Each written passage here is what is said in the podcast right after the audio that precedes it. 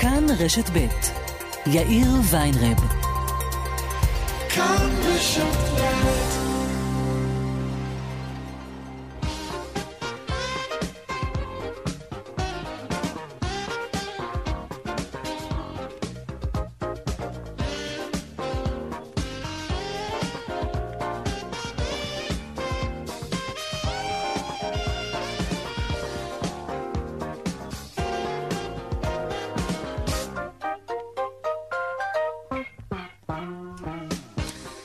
שלום רב לכם, ארבע ועוד שש דקות, קצת אחרי. כאן צבע הכסף ברשת ב' יום שני, עורך התוכנית רונן פולק, בהפקה סמדארטל עובד. סיוע בהפקה שמעון דוקרקר, טכנאי השידור שלנו היום הוא קובי בז'יק. הדואל שלנו כסף כרוכית כאן.org.il. אפשר ליצור קשר גם בדף הפייסבוק שלנו כאן ב'. אני יאיר ויינרב, מעכשיו עד חמש, אנחנו מיד מתחילים.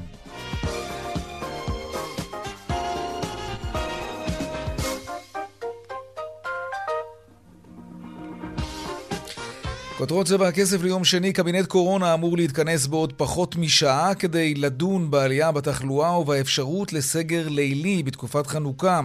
מיד אנחנו נרחיב בנושא הזה, אבל עוד קודם לכן, הנה דברים שאמר ראש הממשלה נתניהו לפני זמן קצר בפתח ישיבת סיעת הליכוד בכנסת, החיסונים בדרך, אומר ראש הממשלה. תחלואה בעלייה, אנחנו בתחילתו של גל שלישי.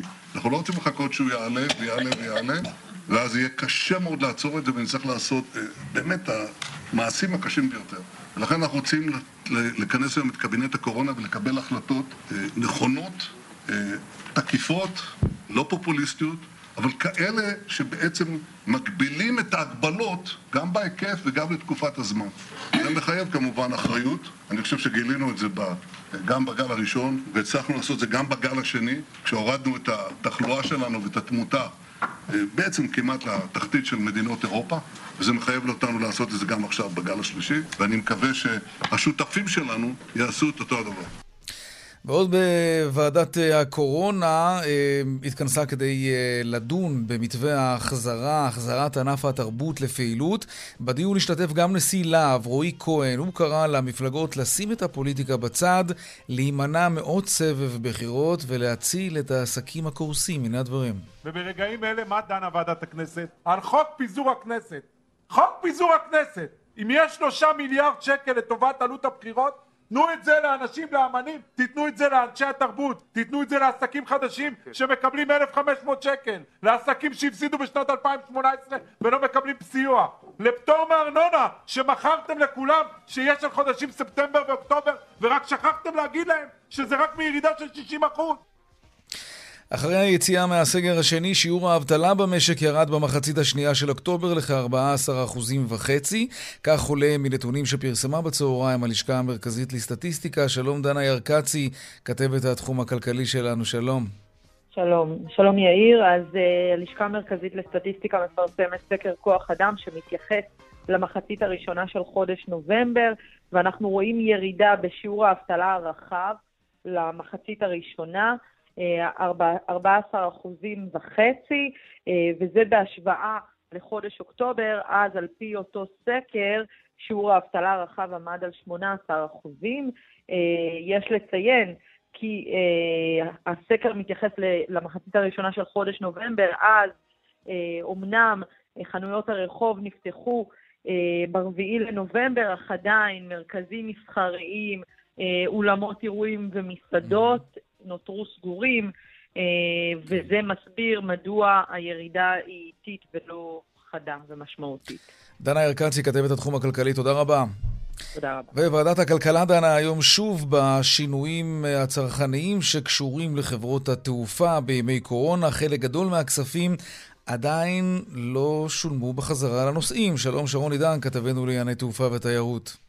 כן, שלום אה, יאיר. ועדת הכלכלה בעצם אישרה היום לקריאה שנייה ושלישית את אה, השינוי שבו זמן ההמתנה לאותם החזרים כספיים על טיסות mm-hmm. שבוטלו. אה, בתקופת הקורונה כן. יחזור להיות 30 יום, אני מזכיר שעד עכשיו הוא היה בעצם 90 ימים, וזה כנראה ייכנס לתוקף אחרי קריאה שנייה שלישית כבר ב-15 בדצמבר, כלומר משבוע הבא.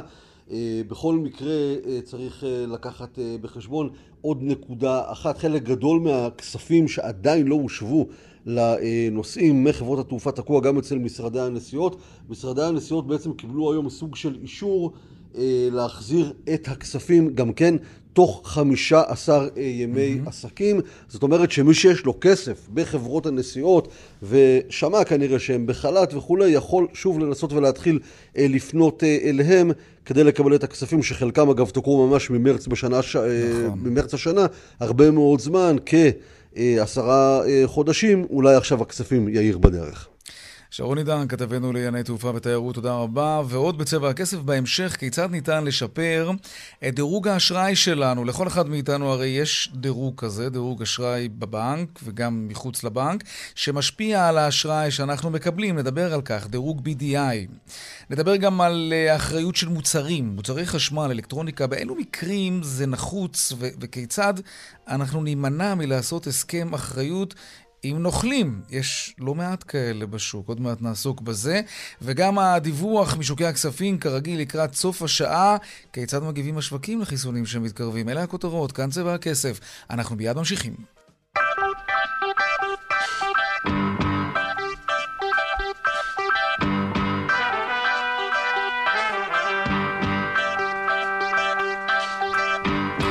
עוד לפני הכלכלה קצת פוליטיקה. אה, לא, האמת שזה, כן, הפוליטיקה היום היא לגמרי כלכלית. כן, ההיערכות לבחירות, אה, ועדת הכנסת היא זו שתדון בהצעת אה, החוק לפיזור הבית, שבינתיים בקואליציה מתכוונים להחרים את הצעות האי-אמון שיעלו היום להצבעה במליאה. שלום יערה שפירא, כתבתנו בכנסת. שלום, שלום יאיר. כן, סוג של כצעד נגד, כן, להחלטה בסופו של דבר של ועדת הכנסת להשאיר אצלה את חוק הפיזור. בבוקר התכנסו, אה, ניסו בליכוד לגייס את אה, חברי גוש הימין אה, כדי לנסות לנצח בהצבעה הזאת, גילו שהם עומדים להפסיד, ואז החרימו את ההצבעה שבה התכוונו להחליט מי מבין הוועדות, או שבשליטת הליכוד, ועדת החוקה, או זו שבשליטת כחול לבן, ועדת הכנסת, תהיה זאת שתדון בהצעת הפיזור. זה מקום שבו כחול לבן ניצחה היום, והדיון יישאר בוועדת הכנסת שבשליטתה. Mm-hmm. כרגע כבר החלה המליאה, אה, שכאמור אה, חברי הקואליציה, לפחות חברי גוש הליכוד, עתידים להחרים בה את הצעות אי האמון. זה צעד סמלי, מכיוון שצריך 61, זו הצעה קונסטרוקטיבית כדי להקים באמת ממשלה אחרת, אבל אם יעברו אפילו ברוב קטן יותר הצעות אי אמון, גם אם לא תהיה לזה משמעות מעשית של פירוק הממשלה, ברור שיש בזה אה, עניין אה, סמלי. בינתיים החלו ישיבות הסיעה כבכל אה, יום שני, החל מלפיד שכבר קרא לכל מי שרוצה להתמודד בגוש המרכז-שמאל להתייצב אך ורק מאחוריו. אגב, קרא את הקריאה הזאת כשיושבים בישיבת הסיעה גם עופר שלח וגם יעלון, עמיתיו שאולי לא חושבים כמוהו. וכמובן ישיבות הסיעה השבועיות של כחול לבן ושל הליכוד. אומר בני גנץ בפתח ישיבת הסיעה של כחול לבן, אה, ראש הממשלה הוא שגורר אותנו לבחירות יקרות. בואו נשמע את זה. בהיעדר תקציב, ראש הממשלה ימשיך להוביל אותנו לבחירות יקרות רק משום שיקולי גמישות אישיים. אם אכן נתניהו לא יתעשת ויגרור אותנו לבחירות, אני אדאג שזה יהיה כמה שיותר זול, כמה שיותר מהר וכמה שיותר נקי.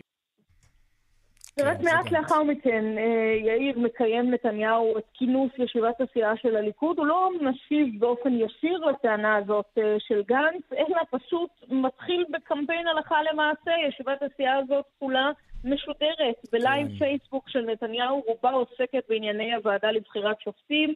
שהתכנסה אתמול ולמעשה הימין נחל בה הפסד, שלושה נציגי הימין בוועדה אה, עזבו אותה מתוך אה, כוונה שאולי לא יהיה קוורום ולא יוכלו למנות, הם לא הצליחו במהלך הזה, המינויים אה, אכן נעשו, וכך אומר ראש הממשלה נתניהו בפתח ישיבת הסיעה של הליכוד.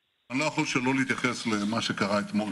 ואכן, בכל פעם שהדרג הנבחר רוצה למנות מינוי כלשהו, המערכת המשפטית כובלת את ידינו בדרישה שנקיים עשרות דיונים, לכתוב אין ספור פרוטוקולים, נראה שפעלנו בשיקול דעת, במתינות, במשך זמן רציני, בדיונים אינסופיים. אבל אתמול, בוועדה לבחירת שופטים, בדקו 136 מועמדים בחמש שעות, זה זמן ממוצע של שתי דקות למועמד. כן. טוב, אלה כבר דיבורי קמפיין שאנחנו מתחילים mm. לשמוע אותם עכשיו, ואתה יודע מתי נסיים. כן, נראה מתי. יערה שפירא, כתבתנו בכנסת, תודה רבה. תודה, תודה. להתראות. טוב, קבינט קורונה צפוי אה, להתכנס אה, בעוד כשעה, גילי כהן, כתבתם על המדינית, נכון? כן, בפעם השנייה היום קבינט הקורונה נדחה. השעה כרגע היא חמש ורבע, נקווה שזה לא יידחה בשנית. אוקיי. אה, על מה ידברו שם? למעשה. סגר לילי? שמענו כבר הרעיון הזה חוזר. כן, תראה, הרבה אפשרויות uh, על השולחן מבחינת ההגבלות, כבר עכשיו ברור, זה כנראה לא יהיה סגר. Uh, אתמול ממונה הקורונה הציג uh, שתי אפשרויות uh, לשרים, אחת, אופציה של סגר, בדומה לגלים הקודמים, לראש השנה, סגירת מערכת החינוך, סגירת המסחר, נמל התעופה בן גוריון, כמובן הגבלות התנועה, אלף קילומטר, ואיסור אירוח בבתים של אחרים. וגם אופציה קלה יותר, שאני מאמינה שהיא הוצגה כדי שהכיוון הכללי יהיה לשם, של סגירת מערכת החינוך בערים האדומות, הכתומות, אבל כן סגירת המסחר באופן מלא בכל רחבי הארץ. בלוז שנמשך, שנשלח לשרים, בסדר היום של ישיבת הקבינט, מופיע גם, בפעם המי יודע כמה, אה, אפשרות הסגר הלילי, למרות שגם אה, ממונה הקורונה, גם משרד הבריאות, גם בתוך הקבינט, נאמר אה, לא אחת ולא, לא פעם אחת ואפילו לא שתיים, אה, שהנושא הזה פשוט אה, לא ברור כמה הוא יעיל. סגר לילי, כרגע בישראל אין מסעדות, אין חיי לילה, מה שקורה, כל הדברים הללו שקורים הם מחתרתיים ובניגוד להוראות, ולכן אפשר לקנוס אותם בין כה וכה, ולכן לא ברור כמה סגר לילי יהיה יעיל. השרים יידרשו לקבל החלטה גם בכיוון הזה, בעניין ההגבלות החדשות, גם בכל מה שקשור לקניונים, שפיילוט הקניונים אמור, אה, הוארך ועתיד אה, להסתיים מחר בשעות הערב. השרים יידרשו להכריע לאן זה הולך, משאירים את הפיילוט, מבטלים אותו, אה, סוגרים לחלוטין את הקניונים, אה, פותחים, לחל... פותחים לגמרי, הכל נמצא על השולחן. כרגע משרד הבריאות לא אומר ברור. לסגור. אה, כן. בתוך הממשלה, כמובן, גורמי האוצר טוענים אחרת. וכשציינת קודם את סגירת המסחר באופן גורף, התכוונת לערים האדומות והכתומות לא, לא, בכלל? בכל רחבי בכל הארץ. רחבי הארץ. זו לפחות ההצעה של ממוני הקורונה. שהמסחר, הקניונים, החנויות, השווקים, כולם כולם יסגרו. זה מתכתב אה, עם הנושא הבא שלנו. גילי כהן, כתבתנו המדינית, תודה רבה. תודה. אה, שלום רועי כהן, נשיא להב. שלום יאיר, צהריים טובים. תודה. גם לך. שמעת את אה, גילי כהן, כתבתנו המדינית מדווחת. אחת ההצעות שנמצאות על הפרק זה סגירת המסחר באופן גורף בכל רחבי הארץ. שוב פעם, אנחנו בסרט הזה. שמעתי, ואני באמת חושב שזה דז'ה וו כל פעם מחדש, שבסופו של דבר לממשלה אין שום תוכנית סדורה איך להילחם באמת בנושא של הנגיף הקורונה, ואיך לתת מענה לציבור האזרחים, לא באכיפה, לא באיזושהי תוכנית שבעצם איפה שאדום אוכ- אוכפים וסוגרים, ואיפה שירוק מאפשרים לפעול. והפתרון הקל זה סגר, זה שוב פעם העסקים הקטנים והעצמאים ישלמו את המחיר. שוב פעם בסופו של דבר יסגרו את המסחר, יסגרו את החנויות, יסגרו את האנשים, ויגרמו לכך שעוד 20 אלף עסקים ייסגרו, למ- נעזור את למעלה ממיליון מובטלים, נגיע למצב שהיום יש לנו 45% עלייה כן. בשטות רגל, רועי, נזק של רועי, 27 אני- מיליארד. אני כותב אותך לרגע גם כדי לשאול שאלה וגם כדי שתשפר בהזדמנות הזאת את איכות הקו, כי כן. אנחנו לא שומעים אותך כל כך טוב. אז הנה, שיפרתי. כן, זה כבר נשמע יותר טוב. תראה, שמענו קודם את ראש הממשלה, החיסונים בדרך. אמנם גנץ אמר, זה כבר הפך להיות קמפיין של יחסי ציבור וכולי, אבל זאת, זאת ככל הנראה עובדה קיימת. אנחנו רואים, האחוזים נחתמו, החיסונים מתחילים להגיע לפה. תראה, כל מדינה הייתה רוצה להתחיל בפרויקט הזה, העצום הזה, של חיסון האוכלוסייה, כשיש כמה שפחות חולים, כן? אנחנו לא רוצים להתחיל לחסן כשאנחנו נמצאים במצב של אלף ואלפיים חולים מאומתים ביום. זה, ז- זאת בעיה. יכול מאוד להיות שבגלל שכבר רואים את האור בקצה המנהרה, אז אולי צריך הפעם להבין את יאיר, הצורך אני הזה. מסכים איתך, והכל טוב ויפה, אבל צריך לתת מענה לכרגע ללמעלה מחצי מיליון עסקים, ששוב פעם ייכנסו לסגר, בלי יכולת לפרנס, בלי יכולת לקבל מענה על השכירויות שלהם, על ההלוואות שלהם, על כל ההוצאות שיש להם. שוב פעם שולחים אותם אל הלא נודע. אנחנו כבר נמצאים על סף על 100 אלף עסקים שיסגרו עד סוף השנה. אדרבה, אם אתם יודעים אה, איפה מקודע התחלואה, תטפלו איפה שאדום, תסגרו, איפה שירוק, תאפשרו לחזור. זה לא יכול להיות שעושים פה עונש קולקטיבי על כלל האזרחים במדינת ישראל, על כלל העסקים, ומי שמשלם את המחיר זה תמיד העצמאים והעסקים הקטנים. תבין, יאיר, השכירים נמצאים בחל"ת, או כל מי שעכשיו יוציאו אותו שוב פעם לסגר, הוא יקבל את הביטחון הכלכלי שלו, ומי שיישאר בלי הביטחון זה אותם עצמאים ועסקים קטנים. ועוד מדברים על ללכת לבחירות רביעיות תוך שנתיים, מי ישלם את כל המחיר הזה? להם כל כך הרבה כסף, אז למה הם לא נותנים לאמנים שהיום הגיעו לוועדת הקורונה והתחננו ואמרו שאנשים שם על סף פת לחם? למה לא נותנים לעסקים החדשים? למה לא נותנים פטור מארנונה לעסקים ומוכרים Mhm. סיפורים שכאילו נתנו פטור מארנונה? זה רק לאלה שהפסידו יותר מ-60 אחוז. מספיק, יאיר, מספיק, אני אומר לך, אם רוצים, אנחנו, אנחנו נהיה, אנחנו הפתרון, אנחנו לא הבעיה, אבל לא יכול להיות שכל פעם אנחנו נשלם את המחיר.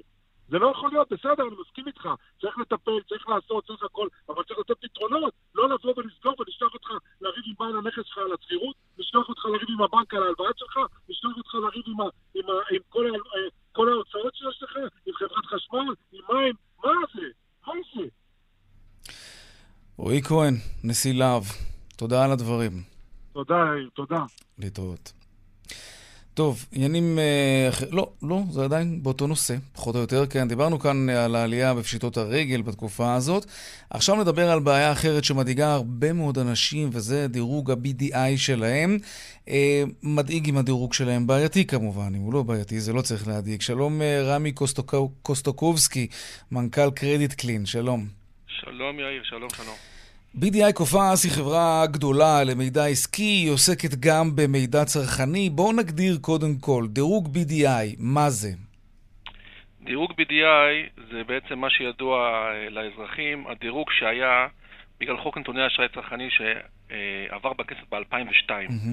ועד אפריל 2019 זה היה תחת אחריות של BDI ו Dun & Bradstreet, שתי חברות של אה, מאגרי מידע שבעצם החזיקו את כל הנתונים על האזרחים במדינת ישראל, מעל גיל 18, את כל המידע האשראי עליהם, השלילי והחיובי, בתוך המערכות האלה.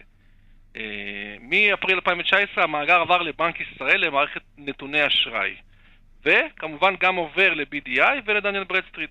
אוקיי. אבל זה, אז- המאגר הוא בבנק ישראל. כשאני הולך היום לבנק ואני מבקש הלוואה, משכנתה, הבנק בעצם מבקש דוח עליי, כן? הוא, הוא רוצה לדעת מי אני, מה ההיסטוריה שלי, אם אני נוהג להחזיר הלוואות, האם החשבונות שלי מעוקלים, אה, מה, מה היסטוריית האשראי שלי בעצם.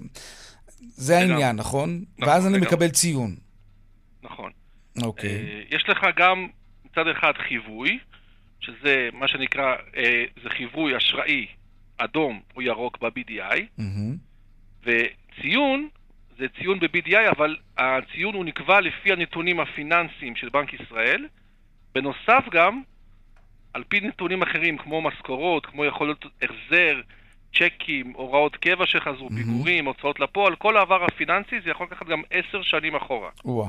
אוקיי, על, על מה אנשים מקבלים דירוג שלילי, למשל? איפה זה יכול שלילי- לפגוש אותך? כן. כן, יכול להיות מכל דבר, אה, כמו שאמרתי, שזה גם צ'קים, הוראות קבע, פיגורים בתשלום. מהמם. כלומר, כל פעם, לפועל, כל פעם, רגל, רגע, גם הפשיטות רגל כמובן נכנס. כל פעם שצ'ק חזר לי, אז יש איזה תיעוד, ואז אותו גוף פיננסי שאני פונה אליו כדי לקבל אשראי או הלוואה, אז הוא, הוא רואה את זה פשוט. לגמרי. מהמם. ואם מדובר בהחזרה של צ'ק שהיא היא תמימה, כן? שכחתי לחתום, לא יודע. משהו שהוא לא קשור לאיתנות הפיננסית שלי, אלא משהו טכני לחלוטין. גם זה מופיע שם? גם זה מופיע שם, ואנחנו גילינו ש-25% מהנתונים שמופיעים בתוך נתוני האשראי של בנק ישראל הם שגויים ולא נכונים, ולא היו צריכים להופיע שם. במאגר של בנק ישראל. מה, במאגר מה של למשל? בנק ישראל. מה כמו למשל שאמרת שגוי? עכשיו, צ'ק שחזר Mm. טכני, אוקיי. ונרשם כהקם, אין כיסוי מספיק, יכול להופיע שם, Mm.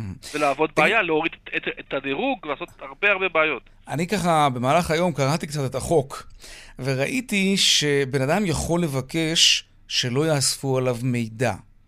איך מבקשים את זה, והאם זה דבר נכון לעשות, חכם לעשות? יש הרבה תהליכים שאפשר לעשות בתוך הנתונים, אבל אנחנו ממליצים תמיד להתייעץ עם גורמי מקצוע מוסמכים לכך. יש לנו פה מחלקה משפטית, עורכי דין, אנשים שהם אה, מהמערכת הבנקאית והפיננסית. אפשר לעשות הרבה מאוד אה, תהליכים בצורה עצמונית, אנחנו לא ממליצים. אדם שאין לו ניסיון והבנה פיננסית בחוק ובמה שהוא עושה, עדיף שלא יעשה את זה לבד. רגע, אז אם בן אדם מגלה שבדוח BDI שלו יש שם במרוצת השנים, כן, שני צ'קים שחזרו, הוא יודע בוודאות שמדובר בשתי המחאות שהוא באמת אה, טעות בתאריך, טעות בשנה, הוא רוצה למחוק דבר כזה. אנחנו פנינו ל-BDI, הבנו שהשירות הזה הוא שירות חינמי, הם פשוט פונים ל-BDI, ואז החברה מוחקת את זה. זה, זה, אה, זה אני- בעצם התהליך, לא?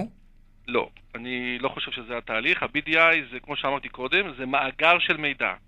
זה מאגר של מידע שבסופו של דבר נועד על מנת להנגיש את המידע לציבור, כמו בנק ישראל, כמו okay. אוקיי. BDI, כמו Dun & Bradstreet. מהמם. לא יושבים שם אנשים ונותנים שירות לאזרח הפרטי ובהגשה של מסמכים, קבלה של מסמכים ובהגשות לעצמם. צריך אה, לקחת גוף מקצועי שנותן את השירות הזה, שאנחנו נותנים שירות, עזרה, הנגשה לציבור אל מול אותם גופים. כי BDI זה המאגר מידע, זה לא המקום שרושם, זה המקום ששומר את הנתונים. אוקיי, אז כשנגיד פונים לחברה שלכם, אמ, מה אתם, מול מי אתם עובדים? מול BDI או מול בנק ישראל? מול בנק ישראל. שהטעות בעצם נמצאת שם.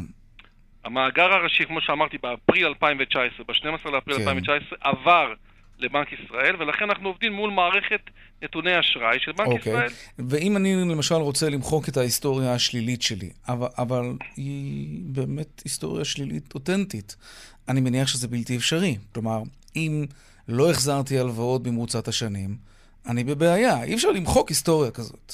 שוב, אז uh, יש דברים שאפשר, ויש דברים שלא ניתן. מה אפשר, בהתאם למשל? לתקנות של החוק. מהמם. הכל בהתאם לתקנות. אנחנו לא כתבנו את התקנות. התקנות והחוק עצמו זה חוק שעבר בכנסת, כמו שאמרתי, ב-2002, כן. ועודכן ב-2016. מה למשל אפשר למחוק? אה, מה יותר קל להגיד מה אי אפשר למחוק. אוקיי. כי כל דבר הוא אה, בר ביצוע, גם תיקים של הוצאה לפועל, וגם צ'קים, והוראות קבע, ופיגורים, וגם פשיטות רגל שהיו לפני שבע שנים ועדיין רשומות באופן אה, מאוד מאוד מאוד מפתיע בתוך הדוח הזה, שזה כמובן פג תוקף, וזה 20% מהטעויות, זה דברים שלא צריכים להופיע שם, מהמם, דברים שאפשר אוקיי. להגיש בקשות למה? כי למחיקה. יש, יש התיישנות מסוימת? יש כלומר, התיישנות, אם בן אדם לפני נכון. עשר שנים פשט את הרגל והוא לא רוצה שזה יופיע בהיסטוריה שלו, אז, אז, אז הוא רשאי לבקש את זה, לדרוש את זה, שזה לא יופיע שם. זה לא אה, אה, שהוא רוצה, זה לפי חוק הוא יכול לדרוש, בעצם שזה לא יופיע. נכון. אוקיי. וזה התהליך שצריך לעשות. כי אם אף אחד לא ידרוש, לפעמים יש דברים שבן אדם לא יעשה פעולות. כמובן, יכול, אם הוא יודע לעשות את זה לבד, הוא קרא את החוק, הבין את החוק, יודע איך להגיש ומה לעשות, יכול לעשות את זה לבד. אנחנו נותנים שירות לאזרח שלא מבין את החוקים ולא מצליח לעשות את זה לבד, נותנים לו הנגשה אל מול אותם גופים של בנק ישראל, שזה הבנקים שרושמים את הנתונים, הוצאות לפועל שרושמות, הכונס הרשמי שרושם את הנתונים בתוך הדוח הזה. תגיד, כל אותם, ב- אה, גם חברות אשראי כמובן שרושמות את הנתונים. ברור. לסיום אני רוצה לשאול אותך, אה, בחודשים האחרונים הרבה מאוד משקי בית ביקשו לדחות את תשלומי המשכנתה שלהם בשלושה חודשים, בחצי שנה. זה משהו שנרשם בדירוג אה, BDI שלך או Dun & Bradstreet? אז היה בדיוק, אה, בדיוק על זה דיון בכנסת בשבוע שעבר, אה, אז כמובן שבמידה והוא ביקש לדחות את התשלום, כן. וזה לא חזר, אז זה בסדר, זה לא בסדר. נרשם. מהמם, אבל אוקיי. אם חזר, ואז הוא ביקש לדחות, אז מה שחזר כבר נרשם. מהמם. אי אפשר אה, בעצם לדחות את מה שכבר חזר. רמי קוסטוקובסקי, מנכ"ל קרדיט קלין, תודה רבה על השיחה. הזאת. צהריים טובים. גם לך. טוב, עכשיו נדבר על החזרי מס. מסתובבים בינינו הרבה מאוד אנשים שמגיע להם כסף מקופת המדינה והם לא יודעים את זה בכלל, או פוחדים להתעסק עם זה, או סתם מתעצלים. אה, אבל אם התחתנתם, התגרשתם, אה, נולדו לכם ילדים, פוטרתם, יצאתם לחל"ת, גם אם חלילה חליתם, יש לכם כסף ששוכב אי שם. שלום טל כרמון, מנכ"ל ובעלים של אה, טקסון, שלום. שלום, ערב טוב יאיר. יש איזושהי הערכה בכמה אנשים כאלה מדובר שהם שכירים, שמגיע להם החזר מרשות המיסים, והם, איך נגדיר את זה, חולמים. אה, תשמע, אני שמעתי את המרואיינים הקודמים שלך. כן. אה, הלשכה המרכזית לסטטיסטיקה בדיוק פרסמה היום ש-14% מובטלים בנובמבר ו-18% באוקטובר. כן. זאת אומרת, כשאנחנו מדברים על מספרים, אנחנו מדברים על מספרים גדולים. לפי הערכות, בשנת 2020, 1.6 מיליון איש במדינת ישראל יהיו זכאים להחזר מס. אוקיי. עכשיו תראה, בוא, בוא, בוא ננסה לדבר באופן כללי, כי אי אפשר להיכנס לרזולוציה צפופה מדי, אבל בהגדרה, מתי אני אהיה זכאי אה, להחזר מס? זה כמו פחות או יותר שציינתי בפתיח, אם קרה לי איזשהו משהו דרמטי בחיים, אז- התחתנתי, נולדו לי אה, ילדים. בעיקרון, יאיר, הנקודה הראשית שעליה אנחנו מסתכלים זה רצף הכנסות. ברגע שלאדם יש שינוי בהכנסות במהלך שנה מסוימת, הסיכוי שלו להחזר מס הוא גבוה מאוד. אה, זה יכול להיות ממעבר מקום עבודה, או יציאה לחל"ת, או אה, כל דבר ודבר כזה, כאשר הנקודה שעליה הרבה אנשים לא יודעים ולא מטפלים בה, זה כל מי שיש לו למעשה ביטוח משכנתה. כל מי שיש לו ביטוח חיים שהוא לא במסגרת העבודה, יש לו החזר מס קבוע כל שנה וכל שנה.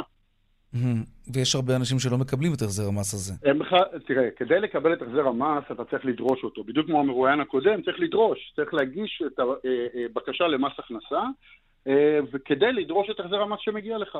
אם לא תדרוש את זה, לא, יב... לא ייתנו לך את זה uh, out of the blue. ויש הרבה מקרים שבהם אנשים לא מודעים לזה, אז הם לא דורשים.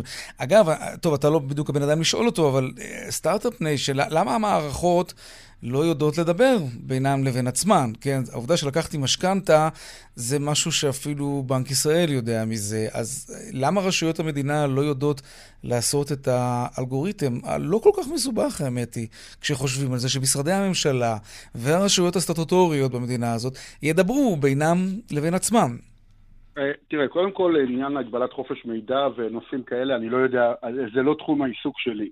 אבל אני יכול להגיד לך ש, אה, שזו נקודה שעולה כל פעם. האדם יכול לעשות לבד את החזר המס, הוא יכול לגשת למס הכנסה, אבל רובם לא יודעים איך לעשות את זה ולא יכולים למקסם את ההחזר שלהם. Mm-hmm. ולכן אנחנו פה על מנת באמת למחזר את, ההקסם, את ההחזר שלהם במינימום uh, השקעה okay. אוקיי. מבחינתם, הן כספית והן בירוקרטית. טוב, אולי הסרבול הזה נועד כדי להשאיר את הכסף בקופה, כבר שמענו אנשים אומרים גם את זה. טוב, מה אתם יודעים לעשות? אה, יש לכם סטארט-אפ, נכון. ואתם באופן מקוון יודעים להגיד לי, ולכל אחד אחר כמובן, אם הוא זכאי להחזר מס. נכון. מה שאנחנו למעשה משנים בעולם הזה, אנחנו פיתחנו טכנולוגיה שמאפשרת לנו בצורה מאוד מאוד אה, מהירה לבוא ולתת ללקוח את, ה, את הידע האם יש לו החזר או לא. אני בעברי איש מס הכנסה, שנים על שנים בתחום החשבונאות, ואת כל הידע הזה הכנסנו למעשה לתוך טכנולוגיה, על מנת לאפשר לאנשים לקבל החזרי מס במחיר נמוך. כאשר אנחנו עובדים בשיטה שונה מאשר השוק, אנחנו עובדים בדמי מנוי חודשיים של 8 שקלים בחודש, וכל שנה עושים לאדם החזר מס, כל שנה בודקים לו, ואם יש לו, אה, מחזירים לו את הכסף בלי אחוזים, בלי עמלות נוספות, שמונה שקלים בחודש בלבד. וכמה זמן לוקח התהליך הזה? אה, מהרגע ש, שנרשמים, הם, אה, ניתן להעלות את הנתונים. אה, המנויים שלנו למעשה, מרגע שהם מנויים, נניח נרשמת בשנת 2020, אז ב-2021 שמגישים את הדוח, אנחנו כבר לוקחים את כל החומרים לבד מרשויות המס, הן מביטוח לאומי והן ממס הכנסה, ולקראת אפריל-מאי מגישים את ההחזרים, והכסף מגיע לחשבון. אה, בעיקרון, מהרגע שהגשנו, אני חייב לציין לטובה את מס הכנסה, מהרגע שהגשנו אנחנו רואים אה, זריזות די גדולה בזמן האחרון בהחזרים שהם אה, מחזירים ללקוחות, וזה יכול לקחת בין חודש ועד שלושה חודשים. עכשיו, זה רלוונטי יותר מתמיד, בגלל שהרבה מאוד אנשים חוו הפחתות שכר עכשיו. במגזר הפרטי בעיקר, כי אה, בגלל המצב, אנשים אמרו להם, תחזרו, אבל תדעו שאנחנו יכולים לשלם פחות. כלומר, יש הרעת תנאים מבחינת השכר ש- שאפשר לשלם להם. אז, אז אני מניח שבמצב כזה אנשים זכאים להחזרי מס, כי השכר שלהם נפגע. כמו שאמרתי, ברגע שאין רצף אה, שכר אה, קבוע, אה, יש סיכוי גבוה מאוד להחזר מס. אנחנו, כל הרעיון שלנו בא ואומר, חבר'ה, אל תחכו, תבדקו, נעשה פעם בשש שנים, נחזור אחורה. תעשו כל שנה בשמונה שקלים בחודש, בסך הכל 96 שקלים בשנה, ואתה יודע מה מגיע לך ומקבל את מה שמגיע לך כן, ממס הכנסה. כמובן, טל, טוב, אנחנו לא יכולים לעשות כמובן פרסומת לעסק שלך, אבל אה, צריך לומר, אפשר לפנות כמובן לאנשי מקצוע שיודעים להתעסק עם החזרי מס. טל כרמון, מנכ"ל ובעלים של טקסון, תודה רבה. תודה לך. ביי ביי. דיווחי תנועה עכשיו.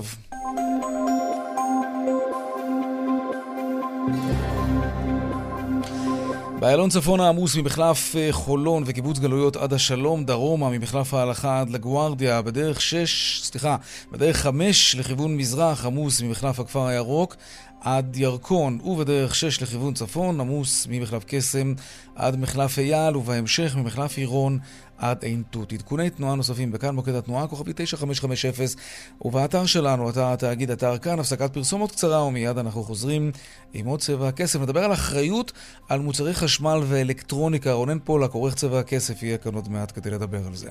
מיד חוזרים. 22 דקות לפני השעה 5, עכשיו נדבר על אחריות מוצר. מתי שווה להרחיב אחריות על מוצרי חשמל, אלקטרוניקה, בכלל על מוצרים שרכשנו אותם, והכי חשוב, ממה כדאי להיזהר כמובן. שלום רונן פולק. שלום יאיר. אז מה הרגיז אותך הפעם בעניין הזה? בקטנה הפעם. תגיד, יש לך טוסטר בבית? יש, ברור. אה, רוצה לבטח אותו? טוסטר, רונן. לא מבטחים טוסטר. למה? כי יתקלקל לך הטוסטר, מן הסתם מה תעשה? אני אקנה חדש. יפה. מה לגבי מקרר? זה כבר סיפור אחר. למה? שווה לבטח או לא? אה, כעיקרון כן. תראה, קנינו מקרר חדש לפני כמה זמן. האמת שהציעו לנו באמת, עכשיו כשאני חושב על זה, להרחיב את האחריות מעבר לשנה. ומה עשית? נדמה לי שעל המנוע ועל המדחס זה משהו כמו איזה עשר שנים, ואז על ה- כל האלקטרוניקה אוקיי. שנה, ואז אהה. אמרו, אה, תרחיבו, כבר, כבר מכרו לי בעצם ביטוח לעוד שנתיים, ולא לא עשיתי את זה, זה היה נראה לי לא משתלם. נכון, כי עשית אוקיי. חשבון והגעת למסקנה כן. שזה באמת לא משתלם. עכשיו בוא תשמע סיפור, אוקיי? לפני שבוע התקשרו אליי מחברה כלשהי. חברה שהתקינה אצלי בבית אה, מנעול אלקטרוני, סבבה? כן. מתברר שעברה כבר שנה מאז ההתקנה, והם הציעו לי להאריך את האחריות במחיר של 300 שקלים לשנה נוספת ו-500 שקלים לשנתיים. עכשיו בוא נכניס רגע לסוגריים לסיפור הזה. אני אישית מתעב חברות שמציעות לי אה, להרחיב את האחריות אחרי שנה, כי אם הייתם מאמינים במוצר שלכם, הייתם נותנים לי אחריות של לפחות שלוש, אולי חמש שנים. העובדה שאתם נותנים אחריות למוצר שלכם לשנה בלבד, הופכת אתכם בעיניי לחברה פח שלא מאמינה במוצר שלה. אתה מגזים לגמרי. אה. ומה זה הופך אותך? לאיזה לקוח זה הופך אותך? אם אתה קונה מוצר שנותנים עליו אחריות של שנה, זה לא הופך אותך ללקוח מי יודע מה. אני קניתי מוצר, אני כן. מצפה שהוא ישרוד תקופה מסוימת, אתה יודע, אוקיי. תקופה מכובדת גם, אוקיי? לא שאחרי שנה יגידו, ויבואו ויגידו לי, תקשיב, לא, פה, שם וזה, לא רוצה. אני רוצה את המוצר שלי לתקופה אוקיי. סבירה, אוקיי? אני בוא אומר נחזור- מחיר סביר, לא תקופה סבירה. כי שנה, לי זה נראה סביר, אבל בסדר, טוב. טוב, בוא אוקיי. נחזור לסיפור. כן. אה, המנעול הזה עלה לי בערך 1,800 שקלים, הם מבקשים עכשיו 300 שקלים לשנה כן. נוספת של אחריות, כלומר האחריות הזאת עולה לי אה, פחות או יותר בערך שישית ממח- ממחיר המוצר. אני ויתרתי. עכשיו תשמע, יש היום ענפים שלמים שעוסקים אך ורק במתן אחריות. מקררים, מוצרי חשמל, מכוניות. לא מזמן אה, קניתי רכב, עוד לא הספקתי לצאת מהסוכנות, כבר התקשרו להציע לי הרחבת אחריות לשנה נוספת. עשיתי את הבדיקות שלי, לא השתלם, ויתרתי. עכשיו, תשאל את עצמך מתי זה כן משתלם להעריך אחריות. מומחים אומרים שרק במקרה שמחיר הביטוח אינו עולה על 20% מערך המוצב. בעיניי, אגב, זה מוגזם, מוגזם מאוד. אני הייתי אומר 10%, רגע, שנייה. אולי אפילו פחות. רגע, מה- לאט, מה- רגע. מה? זאת כן. הנוסחה? זאת הנוסחה? לא, זאת לא נוסחה, זה נוסחה שהגעתי אליה מכל מיני, מקריאה של כל מיני מאמרים אה, בכתבי עת כאלו ואחרים שעוסקים בצרכנות. שאומרים שאם מציעים לכם להרחיב את האחריות או לבטח את מה שקניתם, זה בתנאי שהמחיר השנתי של הביטוח הזה הוא לא עולה על 20% מערך המוצר. יפה, בדיוק. תעשה את אוקיי. החשבון, כמו שאמרנו, אה, מבחן הטוסטר או מבחן המקרר, אוקיי? מהמם, עכשיו, אוקיי. תשאל את עצמך, יש המון שאלות שצריך לש- לשאול את עצמך רגע לפני שאתה רוכש אחריות מיותרת לפעמים על מוצר. קודם כל, מה כוללת האחריות? אתה חייב לברר אם זו אותה אחריות שהייתה בתקופת האחריות הראשונה, וגם תשאל את עצמך ותבדוק היטב מיהו נותן האחריות, שלא תיפול על נוכלים, ויש לא מעט כאלה בשוק. כן, כן, זה לא חסר כמעט בכל ענף. בואו נצרף לשיחה את אה, עורך הדין גל נחמן, רכז תחום מכשירי חשמל ואלקטרוניקה באמון הציבור. שלום גל. שלום לכם. בואו נתחיל בהתחלה. מתי כדאי להעריך את האחריות? מבחינה כלכלית ש- כמובן, כן? כי אחריות זה כן. דבר נחמד שיש, אבל מתי זה לא הופך להיות משהו שהוא לא כלכלי? כן, כמו שרונן סיפר, ברגע שמציעים לך, בעיניי לפחות, אחריות, יש את האחריות שנה אחת מכוח החוק. לדעתי גם בגלל זה מציעים לך לרוב מהמם. שנה אחת באופן... אה, אה, מכוח. החוק. קודם, אוקיי. כן, קודם כל שנה אחת על הכל? מכוח החוק. על מוצרי חשמל ומוצרי אלקטרוניקה או גז, ומוצר, ורהיטים שיש בהם מנגנון חשמלי. כלומר, כל פעם שאני קונה אה, מוצר אלקטרוני חשמלי מעל 150 שקלים. אף אחד לא עושה לי מוצר טובה, חשמלי זה- מעל אוקיי, 150 זה שקלים, מגיע שנה. לך שנה אחריות מכוח תקנות הגנת הצרכן. בילט אין. אוקיי. עכשיו, המון פעמים יש חברות מסוימות שמציעות, זה סוג של הטבה, אבל uh, חודש לאחר הרכישה או חודשיים לאחר הרכישה, בתשלום חד פעמי, נגיד 200 שקלים, כן. עוד שנתיים אחריות זהה לאחריות יצרן. מהמם. וזה בעיניי משתלם, כי האחריות יצרן היא אחריות טובה.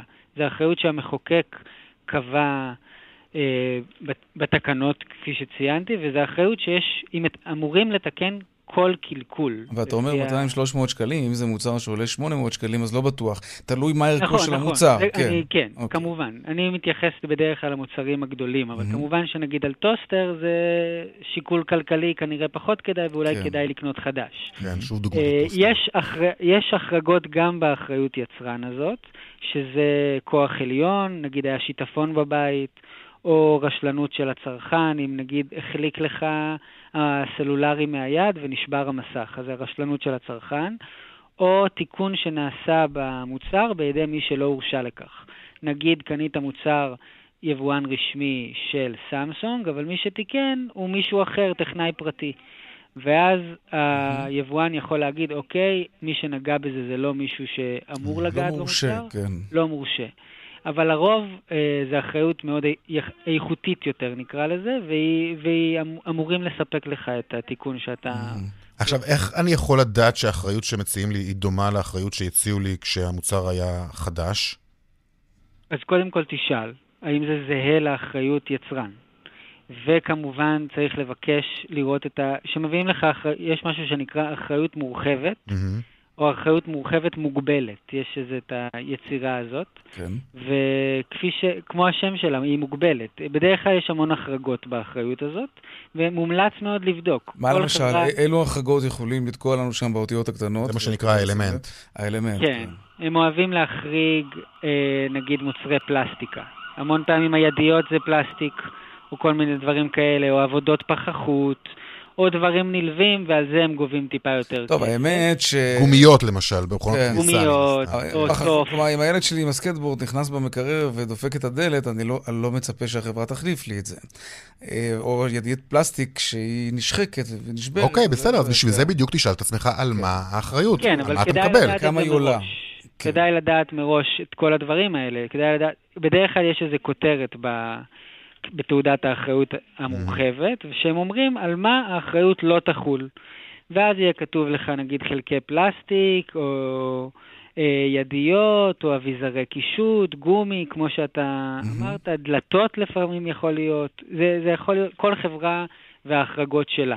אבל אוקיי. צרכן צריך לדעת את זה, כי באחריות שנה ראשונה אין את ההחרגות האלה, כי אסור להם. גל, נתקלתי, אה, נדמה לי זה היה לפני איזה שנתיים, שלוש. אה, אני לא, אין לי מושג איך זה קרה, אבל נגמרה לי באמת האחריות אה, לאיזה מוצר שקניתי. קיבלתי טלפון ממעבדה שלא קשורה למקום שממנו קניתי את המוצר, לא קשורה בכלל ליצרן, אין לי מושג איך הם הגיעו למידע הזה, זה עניין אותי גם אז, והם הציעו לי פשוט להרחיב, להמשיך את האחריות יצרן שנגמרת לי.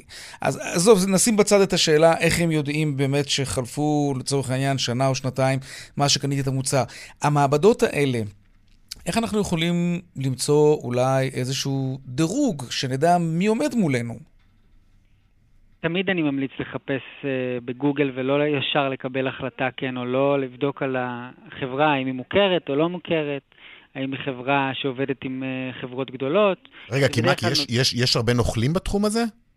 בתחום של המעבדות תיקונים של סלולר אני פחות בקיא. חשמל, אה, אלקטרוניקה. חש, חשמל, אני מדבר על האחריות, או על מה שהם קוראים לו ביטוח, אבל זה בעצם לא ביטוח, זה מין הסכם החזקה. אה, יש נוכלים בהחלט, יש חברות לגיטימיות לחלוטין, אבל, ולצערן של אותן חברות, יש חברות שפשוט רמאיות. שהן לא נותנות, לא מספקות שירות בזמן, או לא מספקות בכלל שירות, או שבמקרים אה, חמורים יותר אפילו פשוט מוכרות מתקשרים אחריות על. הנייר, כן. ואתם כן, אתם נתקלים בזה. אנחנו נתקלים, אנחנו נתקלים בדברים גרועים יותר אפילו, שמתקשרים ואומרים קיים חוב, למרות שאפילו לא נעשתה עסקה מלכתחילה. קיים חוב, לפני שנתיים נעשתה עסקה לכאורה, ולא לא שילמתם, ואנחנו מוכנים לעשות לך הנחה, במקום אה, 4,000, תשלם 3,000 שקלים ונסיים את הסיפור. אני מתאר לעצמי שהרבה מאוד. אנשים מבוגרים נופלים בפח הזה. בדיוק, ואנשים נלחצים ואומרים להם יפתחו תיק הוצאה לפועל או דברים כאלה, ו... ואנחנו מנסים מאוד אה, לעזור לאנשים האלה, אבל החברות האלה גם לא משתפות פעולה, ברור. וגם העברנו לרשות להגנת הצרכן מידע כשהיה צריך. עורך הדין גל נחמן, רכז תחום אה, מכשירי חשמל ואלקטרוניקה באמון הציבור. תודה רבה לך על השיחה הזאת. בשמחה. רונן פולק, תודה. תבוא לטוסט. בהזדמנות קרובה. אתה יודע מה? אולי היום אחרי התוכנית. דיווחי תנועה עכשיו.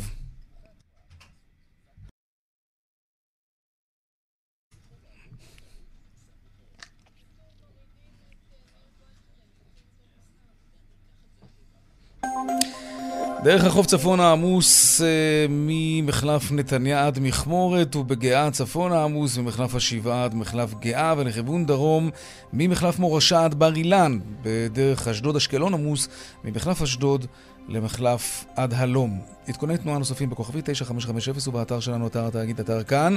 הפסקת פרסומות קצרה ומיד נחזור עם עוד צבע הכסף ככל שיותיר לנו הזמן. מיד חוזרים.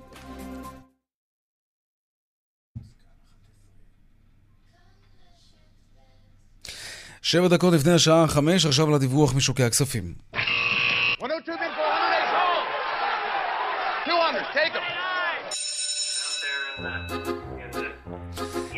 שלום אמיר אייל, יושב ראש קבוצת ההשקעות אינפיניטי.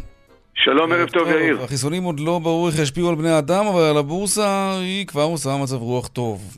כן, כן, היום אה, דווקא היא קצת אה, מתממשת עכשיו, קצת לפני סוף המסחר, בירידות קלות, שמדד התל אביב 90 יורד ב-0.3%, התל אביב 35 יורד ב-0.7%, והמאה ה-25 ב-0.6, 6 עשיריות אחוז ירידה. סך הכל מגמה מעורבת עם נטייה עכשיו, קצת בסוף יום המסחר, לירידות שערים, אחרי שהיינו די בחיובי כמעט uh, כל היום, מאוזן. הדולר שובר למטה, 3.25 כבר, משמעותי מאוד. Uh, okay. יש מצד אחד אמון מאוד גדול בשקל, לאור אולי בחירות uh, וכולי וכולי, אבל... הסיפור של החיסונים, כנראה כבר מתחילים לראות את העוצמה של, ה, של המשק הישראלי בעידן של פוסט הסיפור הזה. כן, אבל מצד שני אתה רואה שכל המטבעות האחרים מתחזקים לעומת הדולר, כלומר זה לא איזשהו סיפור מקומי. תקן אותי אם אני טועה. זה נכון מאוד, ההיחלשות של הדולר היא, היא גלובלית, למשל 1.21 אה, דולר ליורו, זה היה 1.17, 16, זה גם פה הדולר נחלש. טוב לייצוא האמריקאי. בעיה לאירופים, שגם ככה קוראים תחת הנטל mm-hmm. של הקורונה, קצת מעודד את המשק האמריקאי, החלשת המטבע שלו טוב ליצואנים האמריקאים. אה, כוח הקנייה של הישראלים גדל, שהדולר יורד, אבל היצואנים שלנו סובלים. היצואנים שלנו מקבלים אה, פחות, פחות, פחות שקלים. שקלים על כל דולר שהם... על כל דולר שהם מוכרים בחוץ. תגיד, השווקים כבר תמחרו את, uh, את החיסונים, או שאנחנו צפויים ברגע שנראה את התוצאות, ובאמת נראה את היקפי התחלואה הולכים ויורדים בכל העולם, אז uh, אנחנו נראה גם, אתה יודע, את, את הבורסה מגיבה בהתאם כלפי מעלה, או שזה כבר מתומחר? זה לא מתומחר, זה בתהליך תמחור. רואים את זה למשל במחירי הנפט. כן. 45-47 דולר, אתה רואה ש-48 דולר לחבית mm-hmm. זה כאילו מתאושש במידה, בטח מה שהיה. אתה רואה גם את הציפיות של אגרות החוב הצמודות מדד, אלה שצופות שאולי יהיה קצת יותר אינפלציה, ומיתון, אפשר גם עליות מחירים. לראות, כן. אז אתה רואה לאט לאט זה בונה, אמיר. אבל אין ספק שככל שחודש, חודשיים, שלושה יעברו, ובאמת זה ילך לכיוון הנכון, אז לא מיתנו עדיין את מה ש... תודה רבה, אמיר אייל, יושב ראש אינפיניטי, עד כאן צבע הכסף, ליום שני עורכת תוכנית רונן פולק. בהפקה סמדר תל עובד, סייע בהפקה שמעון דוקרקר, טכנאי השידור קובי בז'יק, במוקד התנועה חגית אלחייני. מיד אחרינו שלי וגואטה, אני יאיר ויינר, משתמע כאן שוב מחר בארבעה אחר הצהריים, ערב טוב ושקט שיהיה לנו. שלום שלום.